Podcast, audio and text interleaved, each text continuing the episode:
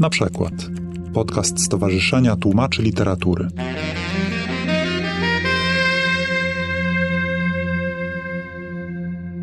Dobry wieczór Państwu. Łukasz Drewniak. Witam na promocji książki Dramaty Antona Czechowa. Przetłumaczyła je pani Agnieszka Lubomira Piotrowska, wydała łódzka oficyna. Jest to książka, która będzie właściwie bohaterem naszego dzisiejszego spotkania, oprócz innych Twoich prac translatorskich. Ale chciałbym, żebyśmy weszli w ten świat nowego Czechowa, takiego jak go słyszy Agnieszka Lubomira Piotrowska, żebyśmy spróbowali parę decyzji translatorskich rozwikłać i zastanowić się także nad tym układem, który zaproponowano, bo jest to chyba pierwsze pełne wydanie tak zwanych dużych dramatów Czechowa. Znajdziecie Państwo w tym tomie w kolejności chronologicznej, czyli tak jak zostały napisane przez autora następujące sztuki Płatonow, Iwanow Komedia, Iwanow Dramat, Leszy, Mewa, Wujaszek Wania, Trzy Siostry, Wiśniowy Sad. Przynajmniej dwa tytuły mogą być dla Państwa zaskoczeniem. Iwanow Komedia nie funkcjonował na polskim ani rynku teatralnym, ani czytelniczym także, a Leszy nie to był jest wcześniej nigdy tłumaczony. tłumaczony, a Leszy jest nową propozycją tytułu dla wczesnej wersji Wujaszka Wani, która do tej pory przez dwójkę tłumaczy była interpretowana jako Diabeł Leśny albo Kusy. Chyba Artur Sandauer to jako Kusy tłumaczył. Zacznijmy może e, od takiego backgroundu, bo zawsze mm, możesz się kojarzyć polskim czytelnikom jako tłumaczka Sorokina, tłumaczka Wiktora Jorofiejewa, a dla Jednej mnie, książki. jednej książki, ale jednak jest to Wiktor Jorofiejew, więc zawsze przynajmniej mi nie zapala się lampka, że trzeba to przeczytać. Dla mnie jednak zawsze byłaś tłumaczką, która wprowadza na polski rynek nową rosyjską dramaturgię. Czy poczynając od Iwana Wyrypajewa, Nikołaja Kolady, Griszkowca, Sygariewa i innych młodych autorów, byłaś zawsze blisko teatru, proponując te teksty, ale także przychodząc na próby, współpracując z reżyserami. Zastanawiam się, jak teraz byś spojrzała na tamte próby translatorskie? Czy jest w nich taka prosta droga do klasyki, do tłumaczenia Czechowa? Co cię przygotowało na tłumaczenie Czechowa w tych nowych dramatach, które kiedyś proponowałaś i ciągle proponujesz polskiemu teatrowi? Do Czechowa po raz pierwszy przystąpiłam w 2009 roku i już miałam ze sobą 11 lat pracy tłumaczki, więc na pewno miałam już jakiś warsztat. Zresztą ja zaczynałam w ogóle od, tylko że od fragmentów, ale klasyków, ponieważ zaraz po studiach Oprócz tego, że zostałam asystentką na filologii rosyjskiej, to zostałam też zaproszona do redakcji literatury na świecie. Byłam tam odpowiedzialna za dział literatur słowiańskich. Przygotowywaliśmy wtedy numer pod tytułem Moskwa, poświęcony właśnie temu miastu i do tego numeru przetłumaczyłam kilka fragmentów, między innymi Andrzeja Białego, czyli modernisty a debiutowałam w ogóle w druku esejem Władimira Nabokowa w 1998 roku.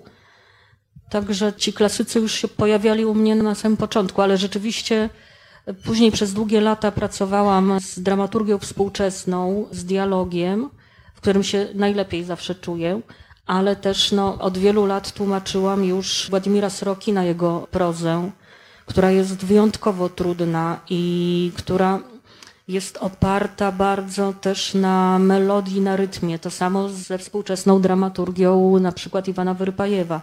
Więc ten słuch na słowo i na melodię tekstu musiałam sobie wypracować już wcześniej. Ale sama bym się chyba nie, nie wiem, kiedy bym się odważyła wziąć za Czechowa, bo tutaj po prostu przyszło zamówienie. Najpierw dostałam y, prośbę od Agnieszki Glińskiej, która przygotowywała Platonowa w Teatrze Współczesnym w Warszawie. Tam już wtedy nie było czasu na to, żebym ja mogła zrobić nowe tłumaczenie, bo ona mi zaproponowała nowe tłumaczenie, ale ja odmówiłam. Natomiast dotłumaczyłam jej fragmenty wariantów, których wcześniej nie tłumaczono. I ponieważ jej się podobała moja praca, to w związku z tym rok później zamówiła u mnie tłumaczenie Mewy do Teatru Narodowego. I to była moja pierwsza tak naprawdę praca już taka poważna z Czechowem. I tak przez te 10 lat zrobiłam 8 jego sztuk. A czy możesz nam powiedzieć, jaki był twój pierwszy kontakt z teatralnym Czechowem? Bo to jest chyba dla tłumacza także ważne, z jakim językiem tłumaczenia Czechowa się osłuchał najpierw. Czy były to tłumaczenia, nie wiem, Sandauera, czy Iwaszkiewicza, czy Natalii Gałczyńskiej? Czy pamiętasz doświadczenia teatralne, które, nie wiem, podpowiedziały jakiś taki ton, który potem został w tobie, mimo że realizujesz go zupełnie inaczej za pomocą innej składni, innej frazy, innych wytrychów. Pamiętasz? Zanim przystępuję do tłumaczenia dramatu, to bardzo lubię kilka razy posłuchać tekstu, ale w oryginale, żeby wpaść w ten rytm tekstu. Dlatego jak tłumaczyłam Wyrpajewa, to on mi sam czytał swoje teksty. Bardzo dużo jeżdżę do Rosji właśnie też po to, żeby usłyszeć teksty ze sceny i no, Czechowa jednak słuchałam podczas spektakli moskiewskich, czy na przykład Wiśniowy Sad tłumaczyłam bardzo mocno pod wpływem spektaklu Nikołaja Kolady, który, no, Wiśniowy Sad jest jego najlepszym przedstawieniem w jego dorobku. Miałam nagranie, wcześniej widziałam na żywo i po prostu wsłuchiwałam się, jak mówią aktorzy, jak brzmi ten tekst, i dopiero wtedy z tą melodią w głowie rosyjskiego wariantu przechodzę do tłumaczenia i do znalezienia dla polszczyzny podobnej melodii. W wielu wywiadach podkreślałaś, że język rosyjski inaczej ewoluował niż język polski. W związku z tym ten rosyjski Czechowa inaczej brzmi dla Rosjan, że on jest ciągle współczesny. Tak. Nie, nie jest archaicznym jakimś językiem czy jakąś modernistyczną stylizacją. Czy to znaczy, że jakby po tych rosyjskich słuchaniach Czechowa, kiedy wracałaś do polskich przykładów na polskie przedstawienia, one brzmiały ci archaicznie, sztucznie, że ten język zaczyna umierać, starzeć się? I to był pretekst do stworzenia własnej wersji? Na pewno moim y, celem było to, żeby polski czytelnik, widz otrzymał takiego Czechowa dzisiaj, jakiego dzisiaj współczesny moskiewski widz, czy petersburski, czy jakikolwiek inny, słyszy ze sceny, czy czyta w książce. Czyli nie jest to Czechow, jak rozumiem, który zatrzymał się na przełomie wieków. Nie, to w nas tkwi, że Czechow jest archaiczny, bardzo sentymentalny, że nie może tak brzmieć. Bardzo często jest w starych tłumaczeniach wydłużona nieco fraza, żeby ona była bardziej taka potoczysta. A Literacka. Bar- tak. tak.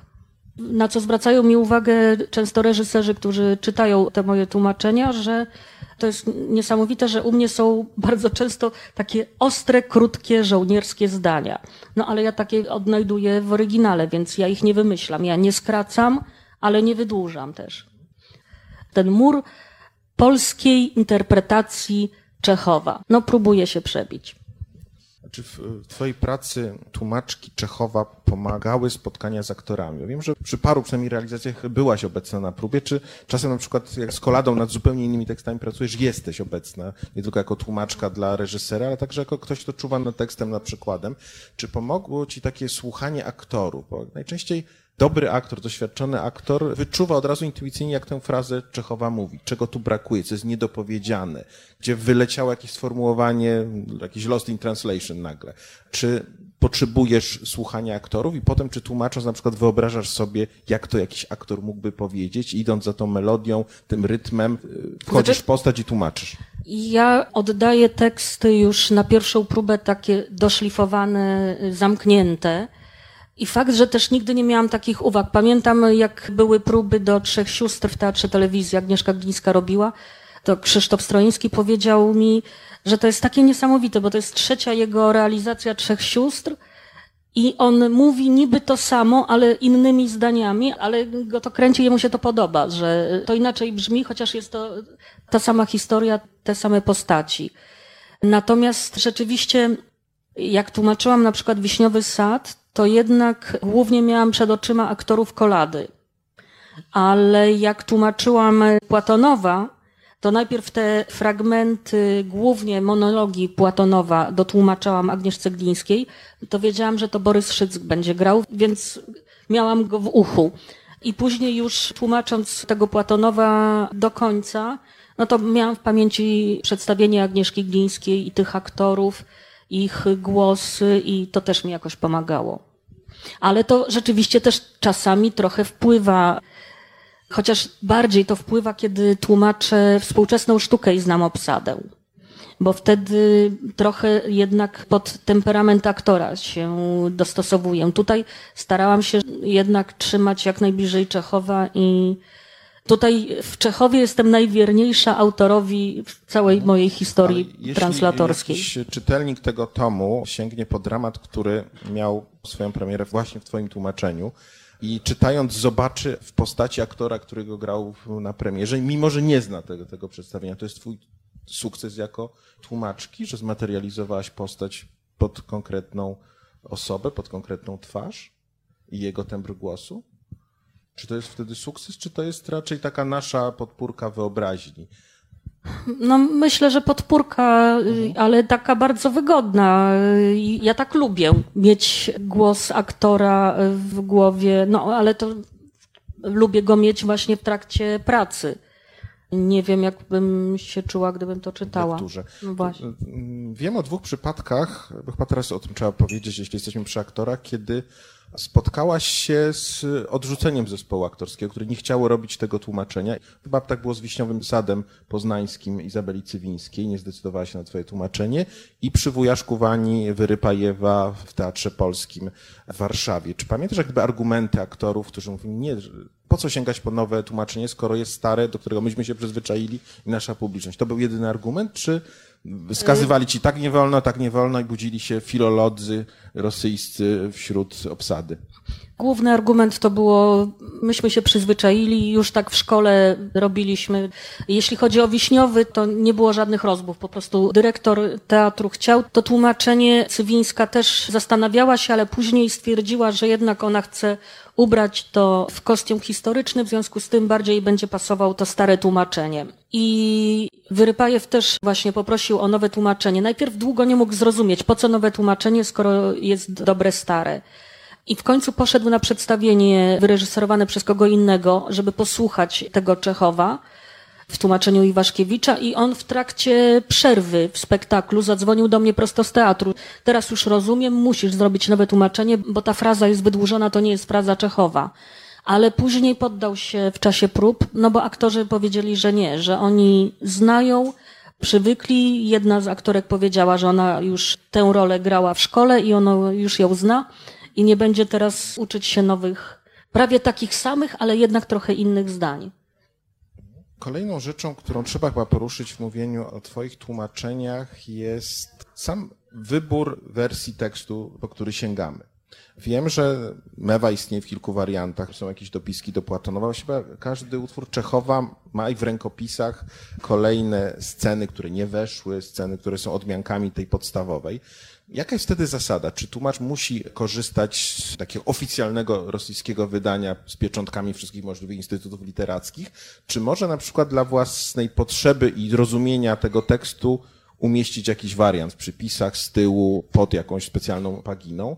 Jaka Twoim zdaniem tutaj powinna być przyjęta zasada, skoro dla wielu reżyserów te warianty są bardzo ciekawe. Jak mówiłaś, Glińska po to sięgała. Jak dużo z tego procesu pracy Czechowa nad tekstem musimy poznać, żeby zrozumieć jego intencje i zobaczyć inną formę bardzo znanego dramatu, który miał, nie wiem, ze 180, 150 wystawień w Polsce. No, rzeczywiście warianty danej sztuki mamy w przypadku Iwanowa i Wujaszka Wani, czyli pierwszy wariant Wujaszka pod tytułem Leszy i później Wujaszek i to samo Iwanow komedia.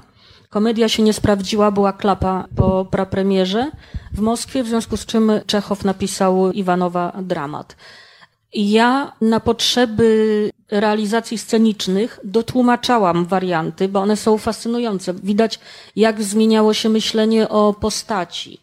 Najwięcej wariantów ma Platonow i ja bardzo dużo wariantów z Platonowa przetłumaczyłam i w pliku, który wysyłam reżyserom, mam te warianty. Natomiast tutaj uznaliśmy z wydawcą, że drukujemy te oficjalne, ostateczne warianty, które już Czechow oddawał do druku. Znaczy, one są ostateczne, czasami niekoniecznie z pierwszego druku, dlatego że czasami tam były skróty cenzorskie, które zostały później przywrócone w tym właśnie najpełniejszym wydaniu dzieł Czechowa w 30 tomach. To było wydanie z 78 roku. Gdyby publikować, bo uciekliście od tego rzeczywiście, część czytelników albo y, widzów teatralnych może żałować, że nie ma tych wariantów. Pewnie No, to jest dla, dla małej grupy ja, czytelniczej, ja ale jednak. bardzo chętnie to bym zrobiła, kolejnym tylko, tomie ale pewnie. w kolejnym Mhm. tomie, bo tutaj no, ta książka i tak ma prawie Ale to- 600 to stron, powiedz nam miałaby tylko, 900. y, skończę pytanie, co się w takim razie dzieje z tymi dramatami, które no, mają swoją czasem żelazną konstrukcję, jeśli czytamy je równolegle z wariantami? One muszą rozpulchnić ten dramat, prowadzić go w różne strony, jeśli chodzi o interpretację motywacji bohatera, czy jakichś konkretnych Nie, rozwiązań. y, Płatonow w tych pierwszych wariantach, bo Płatonow jako pierwsza sztuka, Czechow jeszcze nie miał wyczucia scenicznego i napisał bardzo długą sztukę. Plik z Płatonowem bez wariantów ma 117 stron. Z wariantami ma 150. I po prostu on szedł z Płatonowem do teatru i mówiono, chłopcze, trzeba trochę skrócić. I on skracał i w związku z tym powyrzucał bardzo duże fragmenty, w których wyraźnie widać ówczesny taki podstawowy wątek pojawiający się wtedy w literaturze, czyli ojcowie i dzieci. Takie duże monologi Platonowa, w których on opowiada o swoim stosunku do ojca, o swojej pogardzie wobec tego, jak ci ludzie żyli. Później trochę tu dopisał, tutaj fragment skreślił. Bardzo często on w tym ostatecznym wariancie łagodził wypowiedzi bohaterów. Na przykład w Mewie Tryplew dużo ostrzej się wypowiada o matce i o jej romansie. O tym, że też dużo pije alkoholu. W ogóle właśnie u Czechowa widzę, że to samo jest w Platonowie, w tych wariantach, gdzie Anna generałowa opowiada o tym y, swoim alkoholizmie, przyznaje się do niego i mówi, że zaczęła pić nałogowo, kiedy wyszła za generała. Więc są pewne wątki, które on usuwał też w czasie prób. To zresztą tutaj też we wstępie o tym piszę, bo teraz takie wielkie halo, bo jak się dramatopisarz nie wyrabia z tekstem na pierwszą próbę, no więc ostatni akt Leszego Czechow przyniósł na drugą generalną, bo tak długo pracował, zmieniał. On też zupełnie inaczej postrzegał te swoje sztuki niż Stanisławski. Na przykład bardzo się denerwował, że on uważa, że Wiśniowy Sad jest absolutnie komedią, bardzo śmieszną. I przychodził na próby i pisał w listach do znajomych, że po prostu nie wytrzymuje nerwowo, bo ten Stanisławski nic nie zrozumiał i uważa, że to jest dramat. A przecież to jest taka wesoła komedia. Ale też pod wpływem czy- czy ma- aktorów i Stanisławskiego trochę zmieniał. Także fajne jest to, żeby właśnie zobaczyć i bardzo chciałabym to wydrukować, gdzieś opublikować. Właśnie te warianty, kiedy on uważał, że to już jest ostateczny wariant sztuki i on ją oddaje na próby, po czym zmienia, bo Stanisławski albo Niemirowicz-Danczenko mówili, nie, weź jednak tutaj coś zmień. I on zmieniał. Wspomniałaś o tym innym odbiorze konwencji, chyba czy tonu sztuki, jaki miał Czechow w stosunku do Stanisławskiego i także chyba wobec nas, bo my jednak jesteśmy w takiej tradycji sentymentalnego, nostalgicznego, impresjonistycznego Czechowa. Zdecydowałaś się To w tym wy. tomie- No my, jako taka publiczność przyzwyczajona do Czechowów, które widzieliśmy 30, 40, 50 w życiu. Samowarem, staruszką kulejącą. Dokładnie, Tak. ale czy decydując się na przykład na umieszczenie w tym tomie tylko tak zwanych poważnych, pełnowymiarowych sztuk Czechowa, nie odbierasz mu także tej tonacji buffo, które było w nim monologu o szkodliwości palenia i innych. Te wszystkie jego krotochwile sceniczne, żarty, wszystkie mniejsze formy są jak gdyby poza tym tomem. Rozumiem, że jest to celowe. To była Czy decyzja. to jest y, decyzja związana z tym, jak się w Rosji to publikuje, czy tylko twoja decyzja, żeby tego tonu żartobliwego nie dawać tutaj? jednak? Nie, to była decyzja, żeby dać na razie to, nad czym pracowałam przez ostatnie 10 lat, czyli te wszystkie duże sztuki, które już w większości miałam od lat przetłumaczone, no bo Mewę przetłumaczyłam i opublikowało to Teatr Narodowy w programie już w 2009 roku. Więc no, taka była decyzja, że wydajemy tylko te duże sztuki. Zresztą, no, mówię, to jest też kwestia techniczna. Ta książka ma prawie 600 stron. Gdyby jeszcze dodać te małe rzeczy, niedokończone, jeszcze warianty, no to byłyby dwa takie tomy. A jak Rosjanie wydają? Czy oni przeplatają te krotochwile sceniczne dużymi dramatami, czy to są zawsze oddzielne Tak. tomy? Jeżeli to są dzieła wszystkie, to zawsze jest chronologicznie. I czy miałaś wtedy przy takiej lekturze takie wrażenie, że te drobniejsze, te żarty sceniczne oświetlają komediowo te duże sztuki Czechowa? Czy to jest tylko takie złudzenie, któremu możemy ulegać? Nie, Nie. to to jest złudzenie. To są jednak, no przede wszystkim to tutaj prawie wszystkie sztuki mają podtytuł komedia. Komedia. Mhm. No, choćby w tym Iwanowie to pokazuje, jakie miał poczucie humoru Czechow. Jeżeli on pisze Iwanowa komedię, która w zasadzie podstawowa zmiana między komedią a dramatem jest taka, że w dramacie Iwanow nie dopuszcza do ślubu i strzela się, a w komedii Iwanow się żeni i na weselu siada na krzesełku i umiera na zawał. No i Bardzo Czechow właśnie pęka ze śmiechu. śmieszne. Powiedz mi, czy. No, znaczy chcę zapytać o taką, taki moment, kiedy z tłumacza musisz się zamienić także y, w badacza, w takiego archiwistę, który grzebie po kolejnych wersjach, szuka konkretnego znaczenia słowa.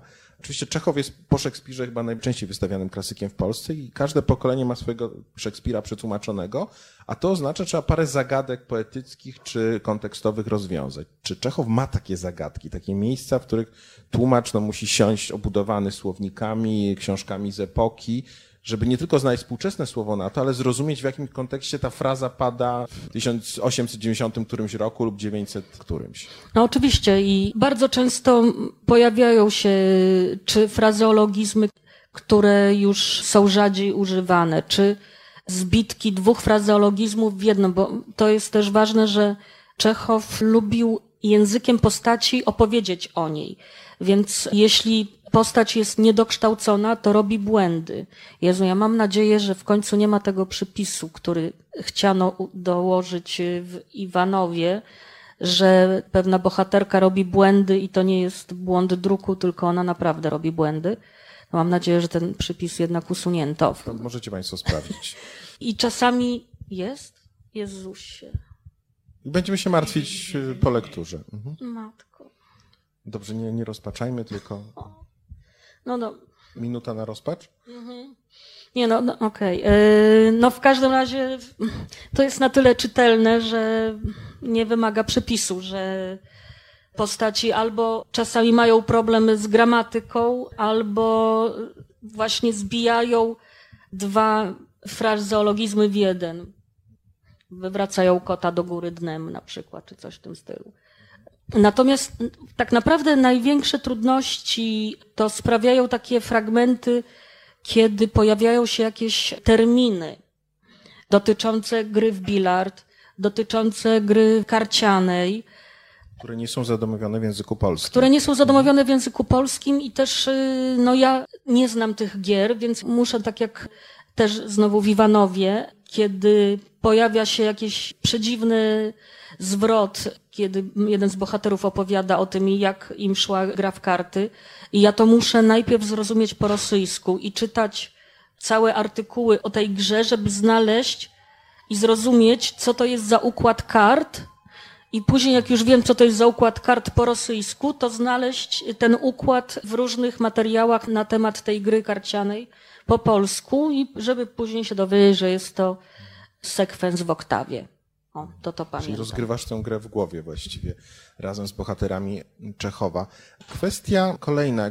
Jak daleko można się posunąć w uwspółcześnianiu języka Czechowa? Czy masz jakieś takie no passeran, taką linię, która nie zmieni go na przykład w jakiś na przykład młodzieżowy rytm mówienia, młodzie, młodzieżowy slang? Bo pamiętam z jakiejś albo twojej wypowiedzi, albo z jakiegoś tekstu z recenzji, że ten Czechow brzmi czasami tak jakby młodzież dzisiejsza rosyjska gada, bo ten język dalej jest żywy. No, no bo tak jest. y, Co z takim kawałkiem zrobić? No właśnie na przykład w Leszem, gdzie jeden z młodych bohaterów przychodzi na piknik, wita się z pozostałymi młodymi ludźmi, mężczyznami i mówi do nich zdarowa rebiata.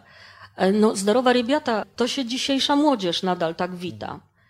Więc to nawet nie jest cześć chłopaki, którego ja użyłam, no bo inaczej musiałabym już naprawdę taką podwórkowych zwrotów To użyć. serwus ziomy, czy coś No coś takiego? w tym stylu, a to już by było bez sensu, bo by narzucało już konkretną epokę. Więc żeby tego uniknąć, no to zostawiłam cześć chłopaki, ale no pomyślałam sobie, że jest w każdej sztuce taki właśnie gdzieś zwrot, że aż trudno uwierzyć, że on pozostał i że tam ci ludzie się dalej tak porozumiewają, w związku z czym to brzmi absolutnie współcześnie i wręcz młodzieżowo. Czy trzeba niektóre fragmenty u Czechowa, które dotyczą jakiegoś na przykład kontekstowego pojmowania artysty, który jest wymieniony przez bohaterów, czy jakiegoś dzieła sztuki, czy trzeba to przekładać Twoim zdaniem na jakiś element, który polski czytelnik zrozumie? Bo na przykład dzieło, o którym mówi Czechow, nie zafunkcjonowało w polszczyźnie, czy w polskim teatrze lub literaturze, a istniało inne podobne, które jest w polskim i wtedy można by je podmienić. Czy jakby stosujesz takie jest, triki? No, to nie jest trik, Jak to tylko no, no, no, normalna strategia translatorska. Ale jeśli u Czechowa pojawia się nazwisko autora, tytuł, o którym po prostu bohater wypowiada tytuł książki, którą przeczytał, to, zostawić. ja mu nie zmieniam. Natomiast czasami, kiedy pojawia się jakiś cytat, który też funkcjonuje jakoś w języku i ma już swój własny kontekst i ważne jest to jego znaczenie wyrwane już jakby z, z danego dzieła, to czasami zamieniam. Pamiętam, Żeby był bardziej rozpoznawalny. Podkowiński ci wskoczył w którąś z wypowiedzi bohaterów, chyba w Leszczym. Nagle szał uniesień pojawił się zamiast jakiegoś zrywu fascynacji, zrywu E, tak. e, czegoś. Mhm. No tak, chodziło właśnie o to, że, żeby od razu był czytelnik, widz, rozpoznawał, żeby to był bardzo rozpoznawalny cytat dla, no nie mogę dać czegoś, co czytelnik, widz rosyjski od razu, słysząc to ze sceny, kojarzy, wie do czego to odnieść, wie, że to jest cytat. No muszę dać też coś takiego, żeby w danym momencie tej sztuki polski widz, czytelnik tak samo zareagował na tekst Czechowa, jak czytelnik, widz oryginału. Pamiętasz jakieś najbardziej perfidne pułapki Czechowa jako autora na tłumacza? Przez chyba e, lata te wszystkie jego wielokropki, pytajniki, wykrzyknienia w dziwnych miejscach stanowiły taki na pewno wyzwanie dla aktora i dla czytelnika, ale jak z tym postępuje tłumacz? Bo jest to na pewno sygnał, że coś nie zostało wypowiedziane albo zostało wypowiedziane poza słowami. I teraz przypuszczam, że w języku rosyjskim to może być jakiś kontekst, który podpowiada troszkę inne znaczenie takiej urwanej frazy czy wykropkowanej. Czy tutaj jest jakaś specjalna czujność potrzebna tłumacza, czy tak, starasz ale, się zachować y, ten układ jego? Zachowuję układ jego, bo wielokropki nie są przypadkowe. Tym bardziej, że on na przykład daną frazę w jednym wariancie kończył wielokropkiem, a w drugim wariancie na przykład kropką albo wykrzyknikiem, więc dla niego ta interpunkcja była bardzo ważna. W związku z czym uważnie zapisywałam wszystko tak, jak jest w oryginale, bo no, dla niego to było niezwykle istotne i rzeczywiście dla budowy postaci i jej emocji jest to niesamowicie ważne, czy ona mówi z kropką, czy z wielokropkiem. A jak jest z tytułami Czechowa? Bo mimo, że nie napisał wielu sztuk, to jednak w polskiej recepcji Czechowa no, panuje pewne zamieszanie. Wspomniałaś kilka razy już Lesiego, który miał wersję jako diabeł leśny, czy wręcz kusy. No Leszy to jest taki demon lasu, prawda? Diabeł opiekuńczy, de- Bóg opiekuńczy, coś takiego. Yy, tak, demon, ale i taki trochę dobry, trochę zły, który Mhm. jednak jest takim opiekunem lasu i zwierząt Jest to na leśnych. pewno w twoim tłumaczeniu nazwa, która intryguje. Znaczy jak- jakby jest inna niż tytuły, do których przyzwyczaił i, nas e, Czechow. No jest, e, I i przykład- w oryginale jest również Leszyj Mhm. i to jest dokładnie ten sam Bóg lasu i dokładnie właśnie ten prasłowiański, Mhm.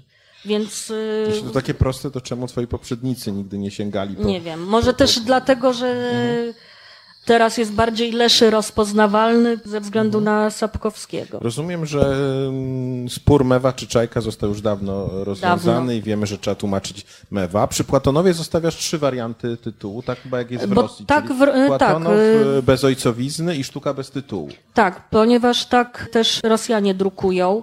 Płatonow został odnaleziony w archiwach bez pierwszej kartki, w związku z czym nadano tej sztuce tytuł Piesa bez nazwania, sztuka bez tytułu. Ale ponieważ on w listach w tym czasie, jeszcze zanim napisał Iwanowa, wcześniej pisał o tym, że pracuje nad sztuką bez ojcowizna, więc część badaczy uznała, że najprawdopodobniej właśnie ta sztuka jest sztuką o tytule bez ojcowizna. No a ze względu na to, że główny bohater ma nazwisko Płatonow, ten tytuł też jest nadawany i w Rosji właśnie ta sztuka jest zawsze drukowana pod trzema tytułami. przed tymi wariantami tytułu powstrzymałaś się przy wujaszku Wani, bo wiemy, że to nie jest dokładne tłumaczenie no tak, to powinien tytułu. być wujek. Pamiętam taką rozprawę Iriny Lappo, która wyjaśniała, że chyba pierwsze polskie tłumaczenie to było, było wujek Jaś w ogóle. Czechowa i proponowała, że to jest wujek po prostu. No Wujek, tak, wujek dziadzia, Iwan, wujek y- Iwan albo wujek Wania. Nie no, dziadzia Wania, czyli wujek Wania. Gdyby był wujaszek, to by był dziedziulia Wania. Jest po prostu dziadzia. No, Zawahałaś się przed powrotem do tego oryginalnego tytułu? Nie, akurat tutaj nie miałam wątpliwości, że ten tytuł jest na tyle mocno już osadzony w literaturze, w teatrze polskim, że nie ma sensu zmieniać. Natomiast Leszy, czyli ten diabeł leśny, który był wystawiany dwa razy tylko w historii polskiego teatru, uznałam, że nie jest na tyle znany, że może jeszcze można mu zmienić tytuł. To jest, jak Państwo się przekonacie, jeśli nie znacie tego diabła leśnego, pierwszy wujaszek Wania właściwie, w którym w trzecim akcie Wojnicki w ogóle nie jest Wania, tylko Georges. Żorżyk. Żorżyk i pod koniec trzeciego aktu popełnia samobójstwo, czyli nie strzela do profesora Sierbriakowa, tylko sam się zabija i najciekawszy jest chyba czwarty akt, kiedy Czechow pokazuje, co wydarzyło się później. Helena, czyli w twojej wersji Jelena ucieka od męża profesora. Tak, Happy i w end. pierwszym wariancie Astrow kocha się w Sonie, a nie Sonia w Astrowie. Tak, tak. I nosi piękne nazwisko Chruszczow. Chruszczow. Powiedz mi, czy na twoje teatralne wyczucie Leszy ma szansę powrócić do repertuaru polskiego teatru? Bo jednak dowiadujemy się tam o pewnych rozwiązaniach, które są możliwe w ramach tego uniwersum Czechowa, ale jednak nie są tak popularne jak w tych, w tych kanonicznych, przynajmniej czterech głównych dramatach. Czy on jest szansą dla młodych reżyserów, dla polskiego teatru, żeby coś nowego powiedzieć o Czechowie? No tak, ten czwarty akt jest zupełnie jak nie z Czechowa, więc jest bardzo w związku z tym też ciekawe poprowadzenie tych postaci. I jest y, tutaj rozmów o ekologii, o wycince drzew. Jest dużo więcej. W tym pierwszym wariancie Astrow, czyli Chruszczow, nawet porzuca medycynę, żeby tylko i wyłącznie oddać się sprawie lasów i jeździ pomagać gasić pożary lasów. Próbuje wykupować te lasy, które wie, że mają pójść pod topór, żeby je uratować. Więc dla mnie jest to bardzo ciekawy tekst. Wydaje mi się, drodzy Państwo, że po lekturze tych przetłumaczonych przez Agnieszkę Lubomirę Piotrowską dramatów Czechowa możemy zobaczyć Czechowa także bez tej stanisławskiej scenerii, którą chyba na długie lata, jeśli nie na 100 lat, przyczepił do dramatów Antona Czechowa. Możemy zobaczyć Czechowa jakby poza epoką właśnie, dzięki językowi, który tutaj używasz. Ale czy twoim zdaniem ten Czechow w twojej wersji jest takim momentem startu także dla dramaturgów czy reżyserów, żeby korzystając z tego języka przepisywać go, iść dalej? Czy jakby ty się zgadzasz na takie prace nad swoim tłumaczeniem? Kiedy przychodzi para dramaturg lub dramaturżka i reżyserka i mówią, no świetny język, słyszę współczesność, to nie jest retro, to nie jest fin de siècle, piszmy dalej. Idźmy tą frazą w, rejony, których nie przewidział Czechow i nie zaplanowałaś ty. Czy jakby podobają ci się takie poszukiwania? Nie muszą mi się koniecznie podobać, natomiast ja akurat nie walczę i nie zabraniam. Uważam, że ja swoją robotę zrobiłam, przygotowałam materiał, nad którym y, niech ludzie dalej pracują i robią z nim, co czują, uważają za stosowne. Dostali plastelinę i niech z niej lepią. Jeszcze ostatnia kwestia, już oddam Państwu głos. Wiele wątków teatralnych pojawia się także w opowiadaniach Czechowa. Tam są podpowiedzi, tropy, także do rozumienia określonych scen, czy motywów, czy problemów bohaterów z dramatu. Czy myślisz o tym, żeby, jeśli powstanie taki oczywiście tom z wariantami, które się nie zmieściły w tej książce, czy myślisz o tym, żeby taki tom teatralnego Czechowa z opowiadań stworzyć, żeby też przygotować taki rezerwuar interpretacji, chwytów, podpowiedzi dla czytelników i realizatorów, którzy mogliby dzięki nim spojrzeć inaczej na te dramaty. Ja jestem totalnie zachwycona i zakochana w tym Czechowie i ja bym tłumaczyła i jego listy, i jego wszystkie zapiski. On był niesamowity. On zbierał każdą karteluszkę na swój temat, segregował, składał teczki. Miał cały rytuał, że co roku w Boże Narodzenie siada i przegląda te teczki i segreguje, zamyka kolejny rok ze swoimi karteluszkami i rozpoczyna e, nową teczkę. I w związku z czym tych materiałów o nim zostało bardzo dużo. I dla mnie to jest fascynujące, nie wiem jak dla innych ludzi. Ja, ja po prostu 10 lat przeżyłam z facetem. To chyba dużo. Ostatnia rzecz, Lubomiro, bo zaczęliśmy od tych współczesnych dramaturgów rosyjskich, których tłumaczy, czyli Sygariewa, Wyrypajewa, braci Piresniakowych. Masz bardzo potężny katalog tych nowych autorów, ale czy po tym kontakcie dziesięcioletnim właśnie z panem o imieniu i nazwisku Anton Czechow, słyszysz ten czechowowski ton na powrót w tych dramatach Wyrypajewa i kolegów? Nie chodzi mi o konstrukcję sztuk, tematy, tylko coś językowego, coś nieuchwytnego, teraz jest dla ciebie ewidentne po tym doświadczeniu i tamtym doświadczeniu translatorskim. Rosyjscy twórcy z młodszych pokoleń bardzo dużo czerpią z klasyki i oni tego nawet nie ukrywają. I Konkretnie co? Co to jest? To jest, to jest też i nawiązywanie do motywów, to jest naśladowanie pewnych wątków, trochę też zbieranie stylu, ale też no, ponieważ ten język Czechowa jest w miarę dla nich współczesny, to wiesz, to trudno powiedzieć, kiedy jest na przykład autor bardzo archaiczny, że od razu rozpoznajesz ten język, no to wtedy można właśnie powiedzieć, że on nawiązał stylem do języka Sienkiewicza czy do chłopów Raymonta, do których ja sięgałam, kiedy tłumaczyłam z Sorokina, który stylizował swoje powieści. A ten styl Czechowa jest taki naprawdę trudno uchwytny. On jest tak delikatny, on nie jest. Yy, prędzej już Gogola rozpoznasz w nowej dramaturgii niż Czechowa, ale on. ale nawet jeśli jest nieuchwytny, to uważasz, że jest. Jest, tak, absolutnie. On jest, bo oni naprawdę, po pierwsze, oni mają wszyscy bardzo dobrą edukację humanistyczną, która została w szkołach rosyjskich. Oni są niesamowicie oczytani i jeszcze mają ten y, stary radziecki system uczenia przez całą szkołę podstawową i średnią na pamięć. Więc oni po prostu, no, siłą rzeczy bazują na, na klasykach. Czyli czasem może być tak, że czytamy Wyrypajewa, widzimy stylizację na hip-hop, ale w środku tego hip-hopu jest Czechow, taki przenikający wszystko. Tak sobie wyobrażam jak gdyby tą twoją interpretację. Czy ktoś z państwa chce zadać pytanie? Ja mam dwa pytania. Jedno jest, e, dotyczy tego, czy nie chciałabyś tłumaczyć opowiadań Czechowa, z których on jest bardzo dobrze znany. A drugie dotyczy tego kanonu wystawień Czechowa, o którym tak mówimy trochę negatywnie, a jest nowy kanon, który na przykład w swoim wypadku przejął Jędrzej Piaskowski w Lublinie Trzy Siostry. Po prostu mam pytanie, jak Ci się podobał ten spektakl? Który jest zupełnie, no, na pewno niekanoniczny, jeżeli chodzi o sposób wystawienia. Opowiadania tłumaczyłabym chętnie. I jak również to, co mówiłam, i listy, i warianty. Kwestia tylko znalezienia wydawcy, którego będzie stać na to, bo to są książki no, trudne do sprzedania. Wydawca dramatów Czechowa powiedział, że jak się 500 egzemplarzy sprzeda, to on otwiera szampana, bo to już będzie sukces. Więc na 38-milionowy kraj 500 egzemplarzy i sukces. A co do kanonu, znaczy ja nie wiem, czy spektakl Jędrzeja jest już jakimś kanonem, natomiast ja jestem przyzwyczajona dzięki rosyjskim reżyserom do najróżniejszych podejść do Czechowa i też takich bardzo ironicznych i oni umieją ten dowcip, który zawierał Czechow pisząc swoje teksty i uważał, że to są komedie. Oni poprzez swoje wystawienia też potrafią to podkreślić, że naprawdę na Czechowie ludzie się śmieją w Rosji, a u nas zwykle płaczą. Przepraszam, że odnoszę się do czegoś, co. Znaczy, dlatego mnie to wzburzyło, bo wydaje mi się, że to będzie nowy kanon Czechowa. Jeżeli powiesz ludziom, że Czechow jest śmieszny, od razu rozumieją to bardzo dosłownie i grubo. Na takiej właśnie zasadzie trochę jak Piaskowski. Jak on rozwiązał kwestię samowara.